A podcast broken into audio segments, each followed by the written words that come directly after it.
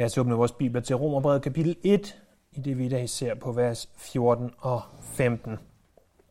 Men jeg læser for at få sammenhæng med helt fra vers 8. Først og fremmest takker jeg min Gud ved Jesus Kristus for jer alle, fordi der i hele verden forkyndes som jeres tro. Gud, som jeg i min ånd tjener med evangeliet om hans søn, er mit vidne på, at jeg uophørligt nævner jer i mine bønder og altid beder om, at det med Guds vilje dog endelig må lykkes mig at komme til jer. For jeg længes efter at se jer, for jeg kan give jer af åndens gaver, så I kan blive styrket eller rettere, så vi sammen kan opmuntres ved vores fælles tro, jer som I.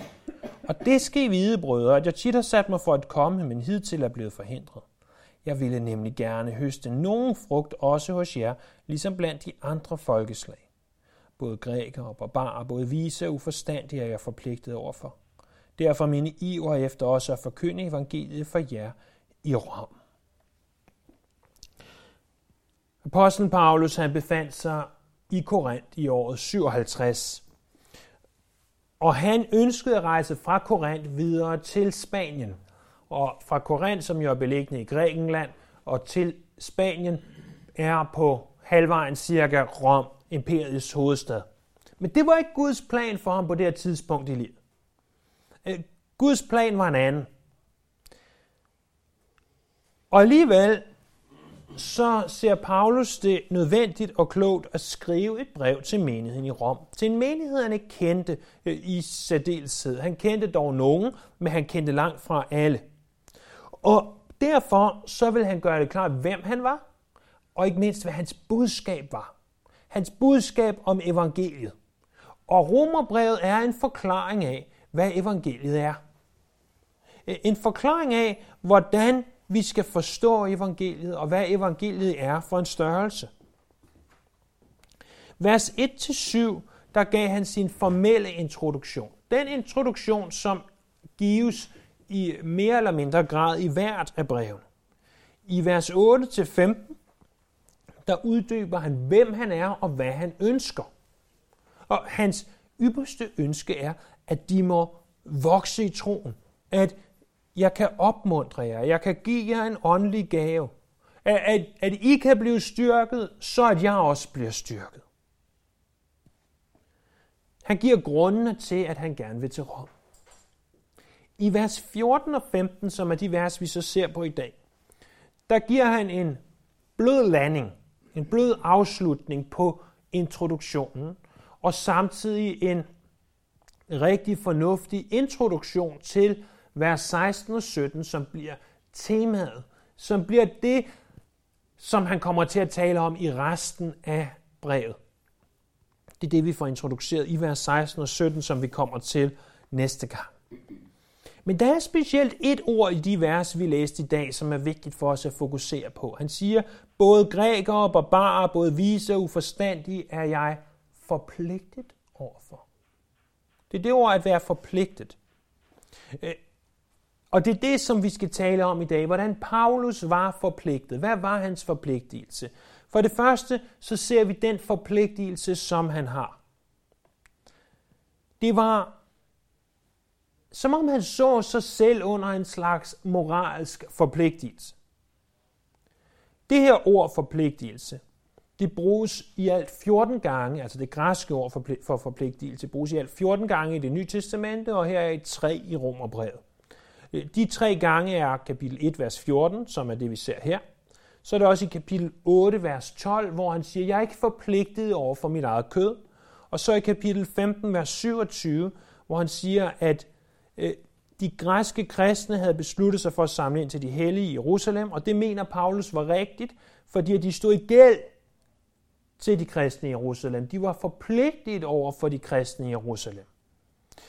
Øh, i vers 14, af kapitel 1, vers 14, oversætter man det på engelsk som debtor, eller skyldner.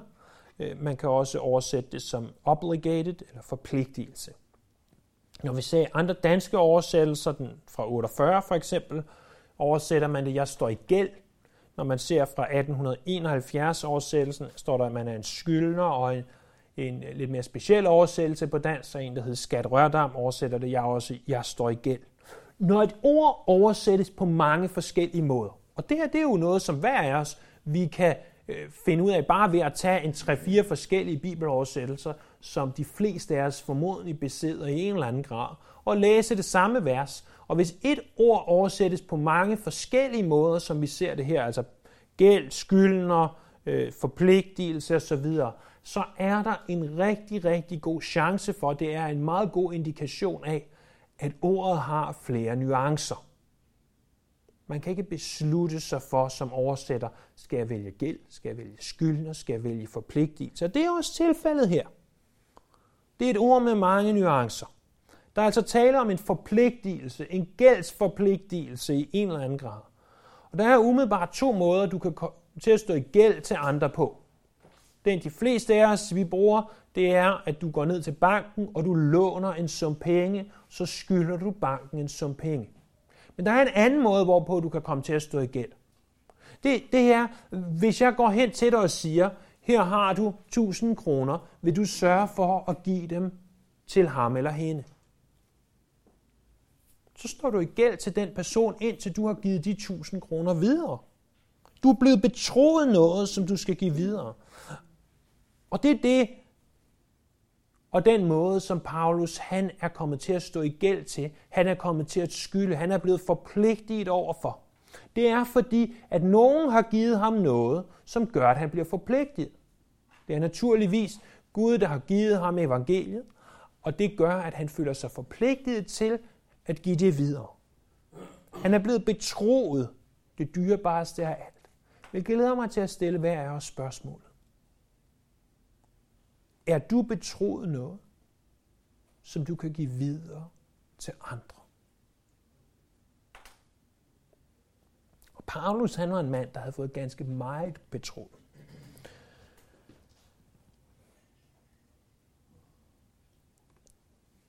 Han var en, der havde masser at give ud af. Han var en, som kendte det gamle testamente ganske, ganske godt. Han var en, som havde fået åbenbaring som var ud over det sædvanlige. Og det er et bibelsk princip fra Lukas kapitel 12, vers 48, at når vi er meget betroet, så er vi også krævet af Herren at stå til regnskab for meget. Den, som er betroet meget, skal stå til regnskab for meget. Det er ikke os, der bestemmer, hvor meget vi bliver betroet. Det er noget, som, som Gud bestemmer. Det er ham, der bestemmer, hvor meget vi bliver betroet. Men vi bliver nødt til at tage os af den del, vi er betroet. Har vi fået et talent, som Nielsen beskriver det, så lad os tage os af det ene talent. Er vi fået fem, så lad os tage os af dem. Er vi fået ti, så lad os tage os af det. Lad os tage os af det, som vi har fået, og gøre, at det bliver forrentet, hvis vi skal blive i økonomiens verden, på den bedste mulige måde at vi får det størst mulige udbytte ud af det, som Herren har givet os. Og, og det leder mig til at stille dig og mig et andet spørgsmål. Tager vi os af det, som Gud har givet os? Jeg tænker både på det materielle, som han har givet os. Bruger vi det på en fornuftig måde? Forvalter vi det, som vi bør? Hvad med de praktiske evner, som vi er givet? De, de evner og de ting, som Gud har lagt ind i dig som person, som du kan bruge til noget for hans rige. Naturlige, øh, gudgivende, men naturlige evner. Bruger du dem til hans ære? Men selvfølgelig også alt det åndelige, han har givet os. Hvis han har givet dig en, en dyb forståelse af evangeliet, af ordet, bruger du det, forvalter du det på den bedste mulige måde? Bruger du det til Herrens ære. Den, som bliver givet meget, vil også ende med at skulle stå til regnskab for meget.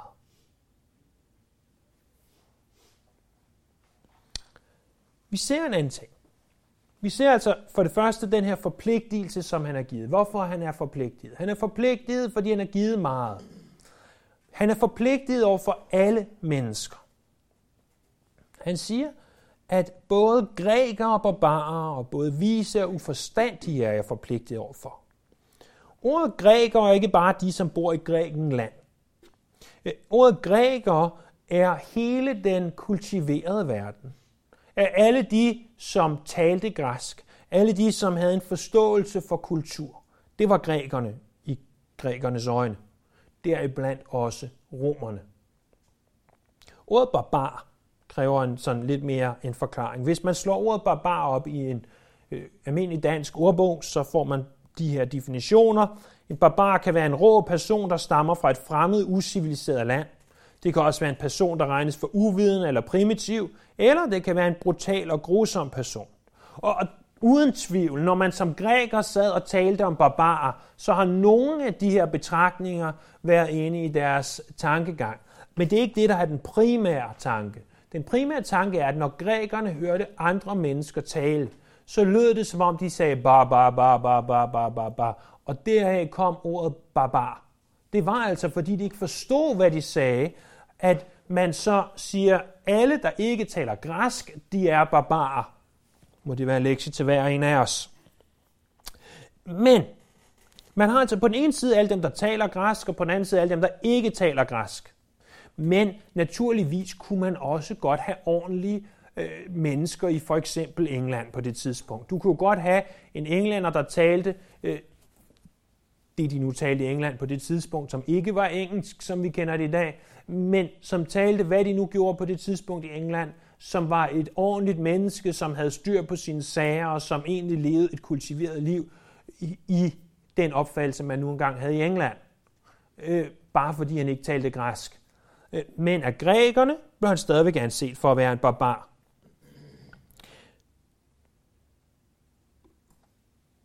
Og det her har altså mest af alt at gøre med din nationalitet, hvor at alle, der taler græsk, ses som en nationalitet, og alle, der ikke taler græsk, ses som en anden nationalitet.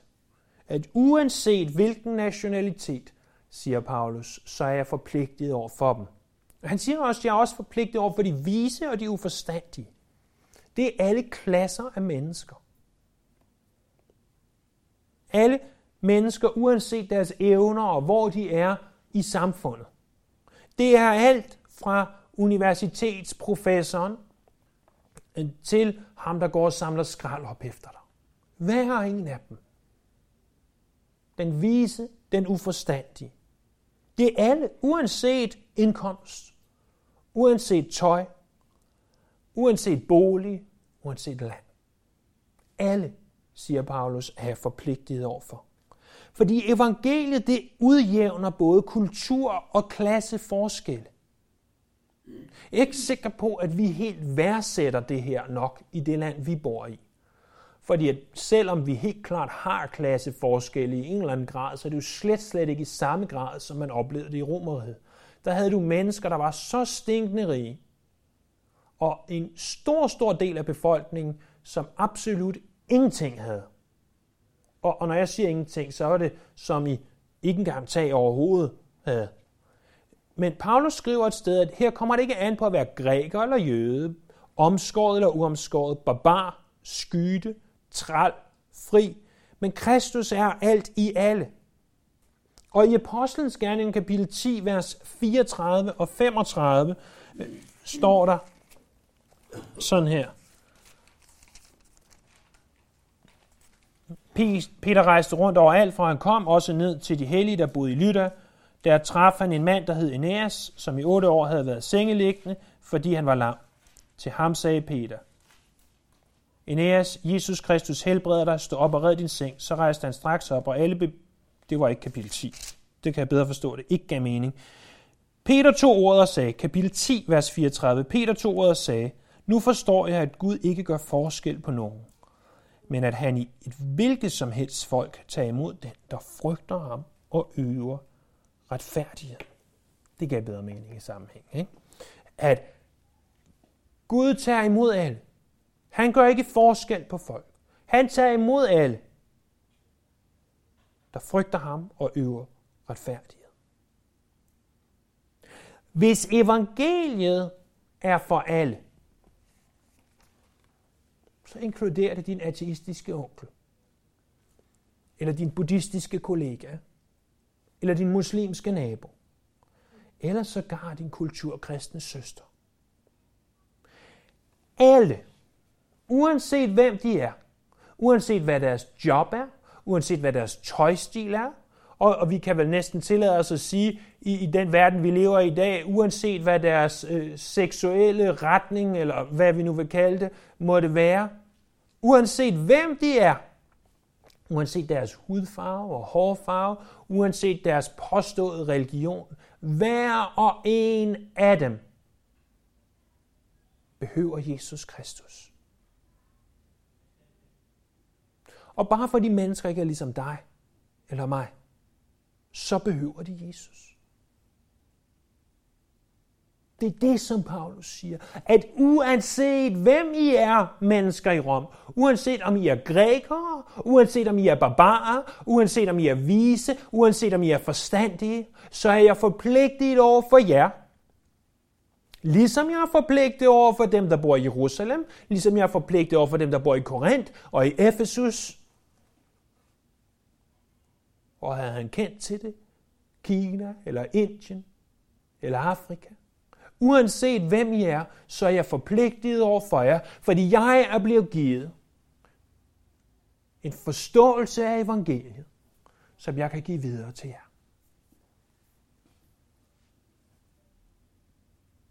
Vi taler så tit om, om missionærer, om øh, det fantastiske i de mennesker, der rejser ud til fjerne lande. Og tænk så, han rejste til Afrika. Og tænk så, hun flyttede til Australien. Tænk så, han, han tog til Indonesien, eller Kina, eller Rusland. Jeg, jeg husker stadigvæk fra da jeg var barn, øh, nogle af navnene på de missionærer, som den menighed udsendte, at, at det, det var noget stort. Men tænk så, hvis vi rejste os fra vores lænestol, hvis vi kom op fra vores sofaer, og gik over på den anden side af gaden, til de mennesker, som har lige så meget behov for Jesus, som pygmæer og stammekrigere i junglen måtte have det. Det er forpligtelsen, som Paulus taler om. Der er en tredje ting. Det er, at den her forpligtelse gør ham endnu mere ivrig over for romerne. Lad os lige se igen, hvad det var, der stod. At både grækere og barbarer, både vise og uforstandige, er jeg forpligtet overfor. Derfor min iver, efter også at forkynde evangeliet for jer i Rom. Han siger, jeg er forpligtet, eller jeg skylder alle mennesker at prædike evangeliet for dem. Uanset hvem jeg møder, så er jeg forpligtet. Det gør, at jeg bliver ivrig. Det her ord ivrig kræver også vores opmærksomhed et kort stykke tid. Det er et, et ganske specielt ord, som fremkommer i en anden sammenhæng i det nye testamente, ganske vist to gange, men i et vers, der er gentaget to gange både af Matthæus og Markus. Det er verset, hvor og bed om ikke at falde i fristelse, siger Jesus, for ånden er rede, men kødet er skrøbeligt. Ordet iver oversættes, eller ord som i Romerbrev oversættes i, og oversættes i øh, Matthæus og Markus som ordet at være reddet. Så egentlig siger han, jeg er ivrig, eller jeg er reddet til at komme til jer i Rom og forkynde evangeliet for jer. Og, og redde, ordet at være reddet, det er også den måde, som man oversætter det på i 1948-oversættelsen, eller i mange engelske oversættelser. Hvis man slår det op, ordet op i en græsk ordbog, ser man at være ivrig til at tjene. Øh, vi kunne også sige, at vi bare kunne oversætte det som at være villig og parat. Være villig og parat. Der er en mand, jeg specielt tænker på, der var villig og parat. Han levede for cirka 2700 år siden. Så døde deres konge. Og så så han noget. Han så her på en højt ophøjet trone. Og han så, hvordan Herrens slæb fyldte det hele. Og han så, hvordan englene, de råbte, hellig, hellig, hellig. Og så hører han Herren sige, hvem er reddet? Hvem vil gå for os? Hvem vil bringe bud for os? Og så siger Esajas, her er jeg, send mig. Hvorfor var Esajas reddet? Hvorfor var Esajas villig? Fordi han havde set Herren. Og venner, jeg tror, at en af de største grunde til, at vi ikke er reddet, en af de største grunde til, at vi ikke er villige, det er fordi, at for os er Gud for lille. Vi har ikke set, hvor stor og hvor mægtig han er. Hvis vi begynder at forstå, hvem det er, vi tilbeder, så tror jeg ikke på, at vi kan holde vores mund lukket. Og det er derfor, jeg igen og igen og igen og søndag efter søndag prøver at vise os, hvor stor Gud er. For vigtigere, vigtigere end den løftede pegefinger, og at vi ikke rejser os fra sofaen og går og fortæller vores naboer om ham, er det at se, hvor stor Gud er. Der er en anden mand, som også var ganske villig og parat til at gå ud med det budskab, han blev givet. Og det var Paulus selv. I Apostlenes Gerninger 9, da Paulus han bliver omvendt, så er han villig til, som blind, husk han blev midlertidigt blændet, at gå ind i Damaskus og sidde der og vente på, at der kom en af de her kristne, som han tidligere havde forfulgt. Han er villig og parat til at gå til Damaskus. Her i Romerbrevet ser vi, at han er villig og parat til at gå til Rom. Jeg håber, du værdsætter, hvad det betyder. Det er altså ikke at tage ud og kæmpe med køerne og sikkerheden i lufthavnen. Det er ikke at skulle vælge, hvilken restaurant man indtager sin frokost på i, i lufthavnen, eller hvilken type flymad man har tænkt sig at spise eller undlade at spise. Det er ikke det, vi taler om. Vi taler om en ganske farefuld rejse, formodentlig til fods.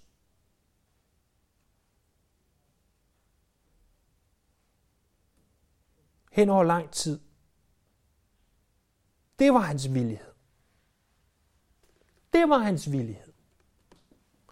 Han var klar. Vi ser et andet sted, at Paulus han er også villig til både at lide og at dø for evangeliet. Hvilken villighed? Og det leder os naturligvis til at stille os selv et ganske, ganske væsentligt spørgsmål.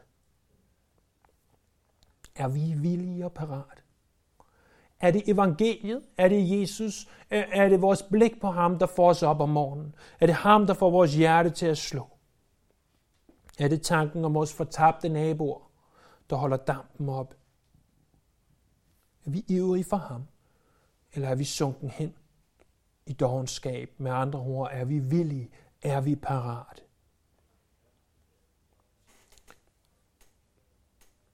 Det er også vigtigt at huske, at ikke bare var han ivrig, Paulus. Han havde også et budskab at forkynde. Han siger, jeg er har en iver efter at forkynde evangeliet. Han ville proklamere den, det guddommelige budskab om frelse. Han vil forkynde evangeliet. Og det leder mig til en ganske, ganske bemærkelsesværdig observation. Så jeg vil forkynde evangeliet for jer. For hvem skriver han til? I vers 6 siger han, at de her mennesker, de tilhørte Jesus Kristus. I vers 7 kalder han dem Guds elskede i Rom. I vers 8 siger han, at deres tro forkyndes om i hele verden. I vers 12 siger han, at de har en fælles tro. I vers 13 kalder han dem brødre, og i vers 13 siger han også, at de allerede bare frugt. Han siger, at de her mennesker stensikkert var kristne. Og alligevel siger han, at jeg har en iver efter at forkynde evangeliet for jer, der er i Rom opsigtsvægte. Fordi vi bliver aldrig formodende til at modtage evangeliet igen. Vi bliver aldrig formodende til at lære mere om evangeliet. Vi bliver aldrig formodende til at begejstre sig af evangeliet. Og, og selvom de fleste af os formodentlig kan, kan give grundstenene i evangeliet, åh, så er der en dybere forståelse. Der er altid et lag mere. Altid. Altid dybere. Altid dybere. Hele grundtanken i bag, bag det her brev, det er at give en, en slags synopsis. En slags sammenstilling. En, en, en, en forkortet udgave af, hvad evangeliet er. Og hvert eneste ord i det her brev, hvert eneste vers, vil kunne udlægges. Prøv at tænk på, da Paulus han var i for eksempel Efesus, eller for den sags skyld Korinth, så var han der, i, der i Efesus i tre år. I Korinth i halvandet år. Øh, tror I bare, at han læste romerbrevet højt for dem, eller gengav romerbrevet ord for ord, og, og så var det det? Nej, for der står, at han i timevis, hver eneste dag, forkyndte for dem og udlagde skrifterne for dem. Når han har gjort det timevis, dag efter dag efter dag, så er det ikke bare nogle få ord. Så er det en udlægning af det alt sammen. Og når han skriver til menigheden i Rom, så skriver han det, som han, hvis han kom dertil, ville udlægge for dem, ganske som vi gør det her. Ganske som vi gør det her.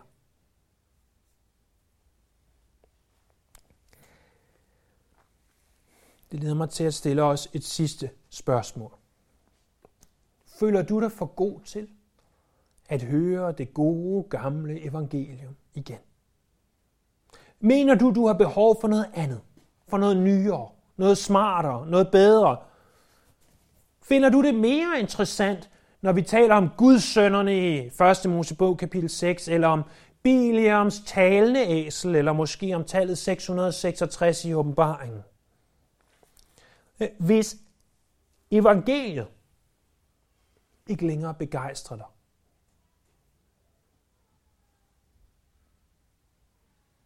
så synes jeg, at du må bekende din søn.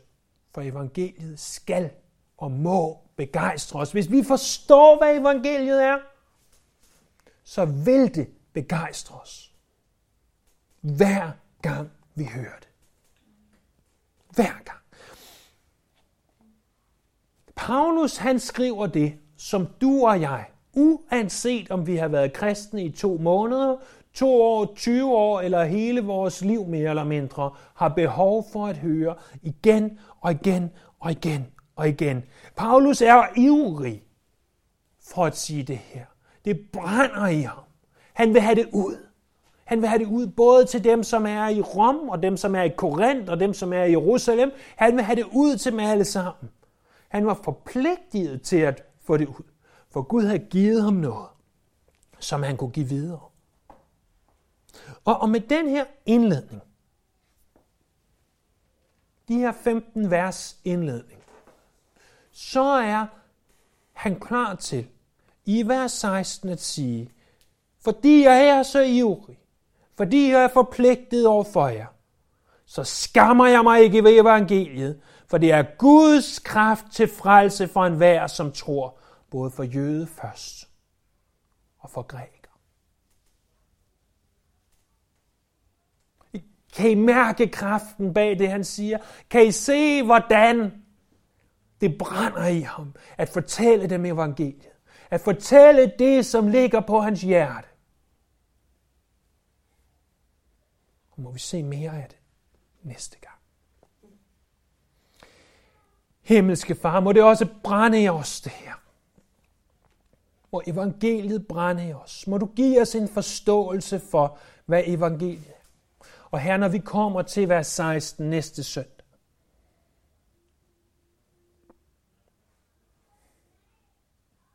må vi ikke være døve. Må vi ikke være blinde, men må vi se og forstå. Åh Herre, om vi måtte gribe, om vi måtte fange, om vi måtte fatte det, som Paulus her har fattet og grebet og set. og vi må kunne give det videre. Om vi måtte være forpligtet bare en brøkdel af, hvordan han var forpligtet, så er vi der evigt taknemmelige. Hjælp os her til at få et hjerte for både græker og barbar, for både vise og uforstandige. Hjælp os til at give det videre, som du har givet til os. Hjælp os ikke at spille vores talenter. Hjælp os ikke at grave dem ned. Men hjælp os til at få dem til at blomstre. Det beder vi om her. Til dine ære.